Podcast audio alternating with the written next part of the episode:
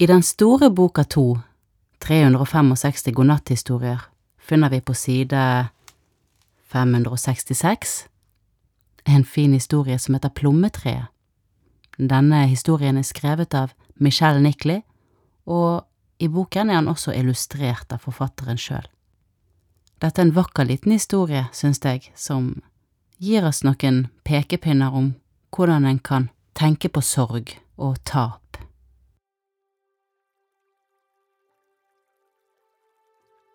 Plommetreet I soloppgangens land levde for lenge siden en keiser som hadde den vakreste hage man kan tenke seg. Når denne historien begynner, var hagen så fin som det var mulig å få han. Men det hadde tatt mange år å gjøre han så vakker. Hvert tre, hver blomst, hver stein hadde sin bestemte plass og gjorde hagen til et kunstverk. Men en morgen, da keiseren gikk sin vanlige spasertur, fikk han se at et av plommetreene var tørket inn. Da ble han svært lei seg, for nå var hagen ikke lenger så vakker som før. Han orket ikke synet av han mer. Han stengte seg inne på slottet og ville ikke gå ut. Keiserens sorg gjorde hoffolket meget bekymret. Et plommetre hadde gjort keiseren lei seg, og bare et plommetre kunne gjøre han glad igjen. Derfor begynte de å leite etter tre som skulle være helt make til det de hadde vært nødt til å hugge ned. Hoffet sendte ut folk for å leite overalt, sjøl på de minste øyene. Til slutt oppdaget de et plommetre som var akkurat make til keiserens, og det sto i hagen til en maler som het Ukio. Da utsendingene fra hoffet ga beskjed om at treet skulle graves opp for å bli plantet i keiserens hage, ble maleren Ukyo, hans kone Tanka og den lille sønnen deres Musuko meget lei seg, for de var veldig glade i dette plommetreet. Man kunne ofte se det igjen i Ukios tegninger, med forvridde greiner fulle av blomster. Tanka, som skrev dikt, hadde mange ganger hentet inspirasjon fra treets knudrete stamme. Dessuten så bodde det en nattergal i treet, og den var vesle Musuko blitt venn med. Han pleide ofte å stille seg ved foten av treet for å snakke med fuglen.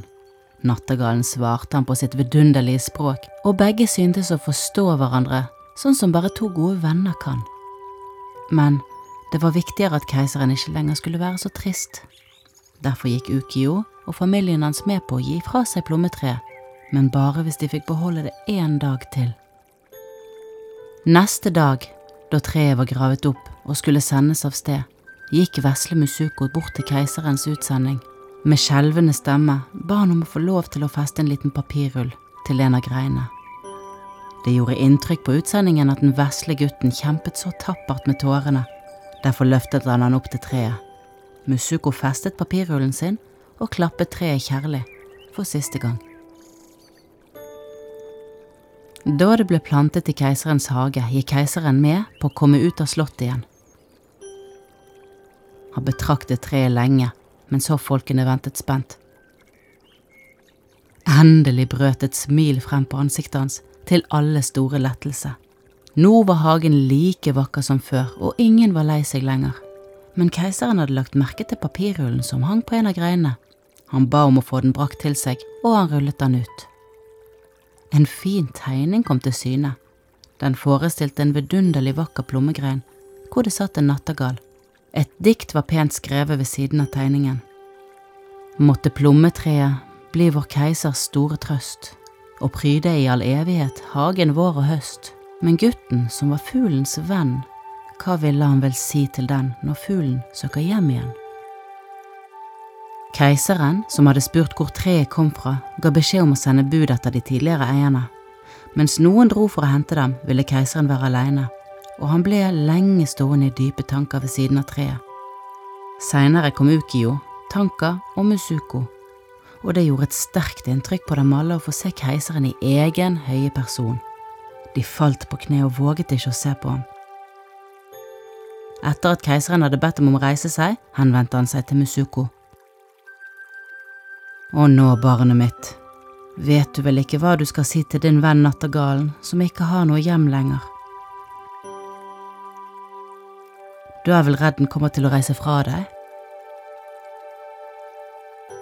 Si til den at keiseren har bestemt at han i morgen skal gi tilbake plommetreet som han en dag lånte av nattergalen.